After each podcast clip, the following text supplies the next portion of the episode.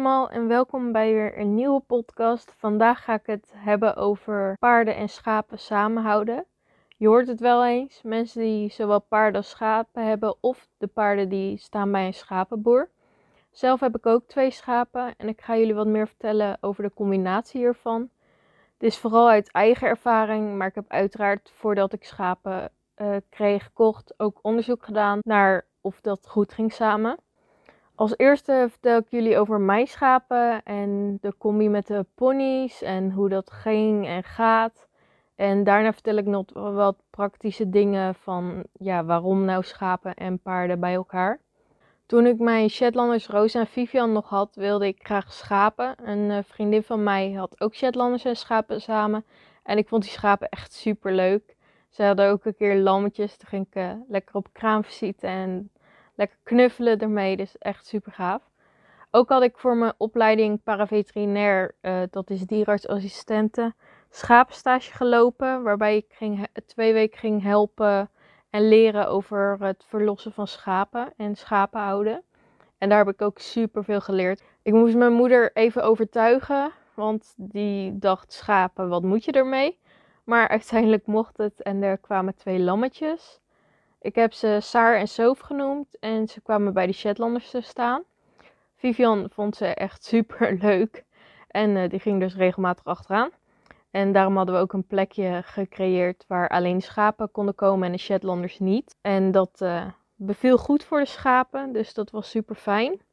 Verder konden ze het eigenlijk wel goed met elkaar vinden, uh, opdat Vivian er af en toe achteraan ging natuurlijk. Maar het was ook af en toe dus als ze er echt heel veel achteraan zou gaan, uh, had ik waarschijnlijk geen schapen meer gehad. Of een hele andere constructie dan nu, zodat ze niet uh, bij elkaar konden komen.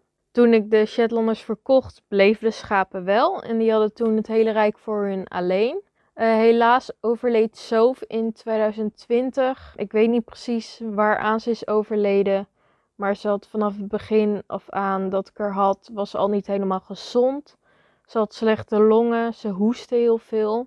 En ze had uh, problemen met de endeldarm en anus. Ik weet niet of jullie wel eens uh, van een anusprolaps hebben genoemd. Maar een prolaps is dat uh, iets van binnen naar buiten komt. En telkens als zij ging hoesten, dan kwam die anus er dus uit. Dus dat was niet echt fijn, maar ze was eigenlijk niet anders gewend. Ze kon er gewoon goed mee leven. En ik hield het natuurlijk goed in de gaten maar helaas was ze opeens uh, s'nachts overleden. Toen ging ik s ochtends uh, bij ze kijken om uh, eten te geven. En toen vond ik haar helaas dood. En ik mis haar nog steeds, want ze, waren, ze was echt super lief. Ze is drie jaar geworden. En omdat schapen kuddedieren zijn, kon ze haar natuurlijk niet alleen blijven. En toen is er een lammetje bijgekomen. Een paplam, een flessenlam. Vooral een flessenlam. Ze zat bij een gezin en daar is ze lekker vertroeteld. Dus dat vond ze heel fijn, denk ik. Om de naam met een S te laten beginnen en vier letters erin te houden, hebben we het lammetje Sok genoemd met CK. Dus S-O-C-K. Mijn moeder had dit uh, bedacht en ik vond het eigenlijk wel een hele leuke en grappige naam. Het is ook echt een heerlijk dier, lekker brutaal, altijd aanwezig. Als je er maar roept, dan hoor je er alweer terug uh, mekkeren. Dus is uh, lekker aanwezig. We dachten dat Saar altijd aanwezig was, maar Sok doet er nog een schepje bovenop. Wat super grappig is natuurlijk. Saar en konden het gelukkig ook goed met elkaar vinden. Wat natuurlijk ook super fijn is. Want als ze het niet goed met elkaar konden vinden, dan moesten we weer wat anders gaan verzinnen. Ondertussen had ik ook mijn fjorden gekocht, Tasja en Wik. En het was de bedoeling dat zij aan huis zouden komen, dus ook bij de schapen. We hebben de paddock bijna twee keer zo groot gemaakt als toen we de Shetlanders hadden.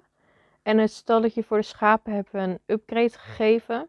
Ik ben nog een video aan het editen voor op mijn YouTube, waarin ik uh, een rondleiding geef bij ons thuis. En daar kan je dan ook een beetje zien hoe het schapenstalletje eruit ziet. Maar we moeten er nog wat dingen aan veranderen. Maar dat uh, gaat helemaal goed komen. Saar die had natuurlijk al ervaring met ponies, maar Sok nog helemaal niet. Die had nog nooit van haar leven uh, van dichtbij ponies gezien. Dus toen Tasja en Wik naar huis kwamen, dacht uh, Saar meteen van... Oké, deze ken ik, hier moet ik niet in de buurt zijn, wegwezen. En Sok die was super nieuwsgierig. En Tasja en Wik waren ook erg nieuwsgierig. Maar Tasja en Wik uh, kenden wel al schapen, want we stonden eerst bij een schapen- en koeienboer. En de stal van Tasja en Wik was in de schapenstal. Dus we liepen elke dag langs de schapen.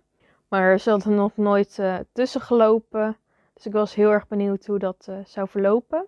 Vivian had natuurlijk vaak achter Saar aangezeten. Dus uh, die moest heel erg aan wennen.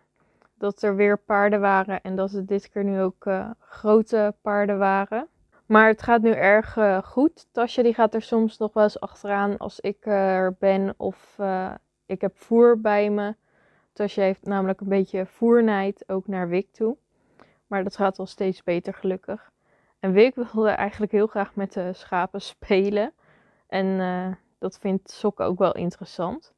De schapen kunnen nu in ieder geval naar het weiland en hun eigen stalletje zonder dat de ponies daar ook kunnen komen en erachteraan kunnen gaan.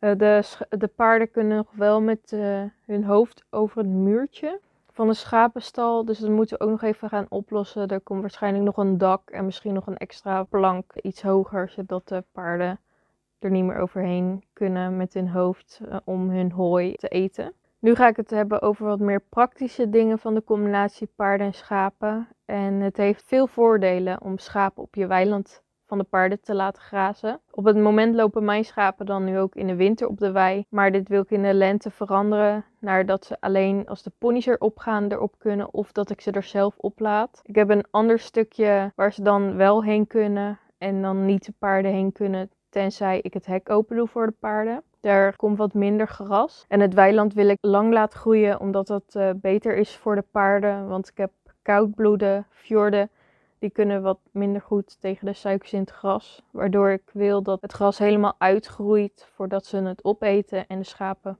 maken het natuurlijk al heel kort. De combinatie van paard en schaap is goed voor de wormbestrijding. Want wanneer je de schapen in de late winter of vroege voorjaar op je land laat grazen, dan zal het aantal infectieuze larven voor de paarden afnemen. En de larven die er dan zijn nadat de schapen erop hebben gegraast, die kunnen niet de paarden besmetten, omdat die dan voor de schapen zijn. Dus zo zorg je ervoor dat er minder infectieuze larven zijn voor dat diersoort. Wel moet je uitkijken met leverbot. Schapen kunnen dit namelijk meedragen zonder dat ze er zelf erg last van hebben. Via een tussengastheer wordt dat dan overgegeven aan de paarden. De volwassen leverbotten die leven in de galgangen van de lever en produceren eitjes die met de mest worden uitgescheiden. En afhankelijk van de omgevingstemperatuur en de aanwezigheid van water ontwikkelt zich binnen drie weken een larf. Vooral uh, dat water is ook erg belangrijk, want daar, kunnen ze dus, uh, daar gaan ze heel goed op, zeg maar, die larven. De larf zwemt dan lekker rond in het water en gaat op zoek naar een zoetwaterslak. Uh, de zoetwaterslak is de tussengastheer. Zonder die tussengastheer overleeft ze het niet. Want in de slak ontwikkelt de larf zich verder tot het volgende stadium en dan pas kunnen ze naar de paarden of de schapen toe en uh, die besmetten. Symptomen van leverbot zijn meestal aspecifiek, waardoor het soms erg lastig is om te diagnosticeren.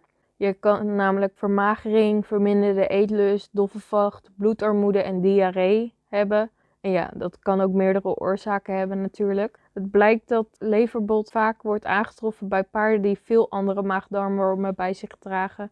Dus uh, wees uh, zeker van bewust dat uh, mestonderzoek erg goed is voor je paard. Leverbot die kan je alleen via een apart mestonderzoek aantonen en niet het standaard mestonderzoek voor wormen. Geef dit dus goed aan bij je dierarts als je een mestonderzoek laat doen. Ook is je mestmanagement heel belangrijk. Het beste is om minimaal twee keer per week alle mest weg te halen van zowel het paard als de schapen. Schapen is iets minder makkelijk en dat vind ik zelf ook minder makkelijk. Maar ik doe mijn best om zoveel mogelijk uh, weg te halen. Uiteraard is elke dag natuurlijk uh, helemaal goed. Want de wormen die zitten allemaal in de mest. Als je dat gewoon regelmatig weghaalt, dan heb je gewoon veel minder kans op besmetting van wormen.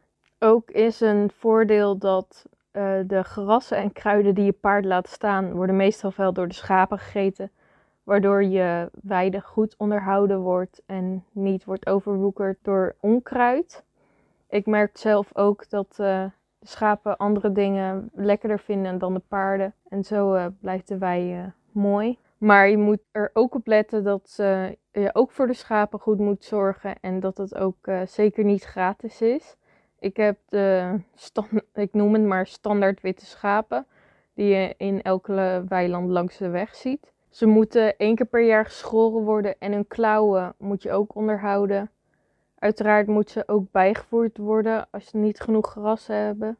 Mijn schapen krijgen naast uh, het gras wat ze kunnen eten ook hooi en één keer per dag schapenbrok. Ze krijgen dit hele jaar rond, maar in de winter eten ze natuurlijk meer hooi dan in de zomer, omdat ze in de zomer meer gras hebben.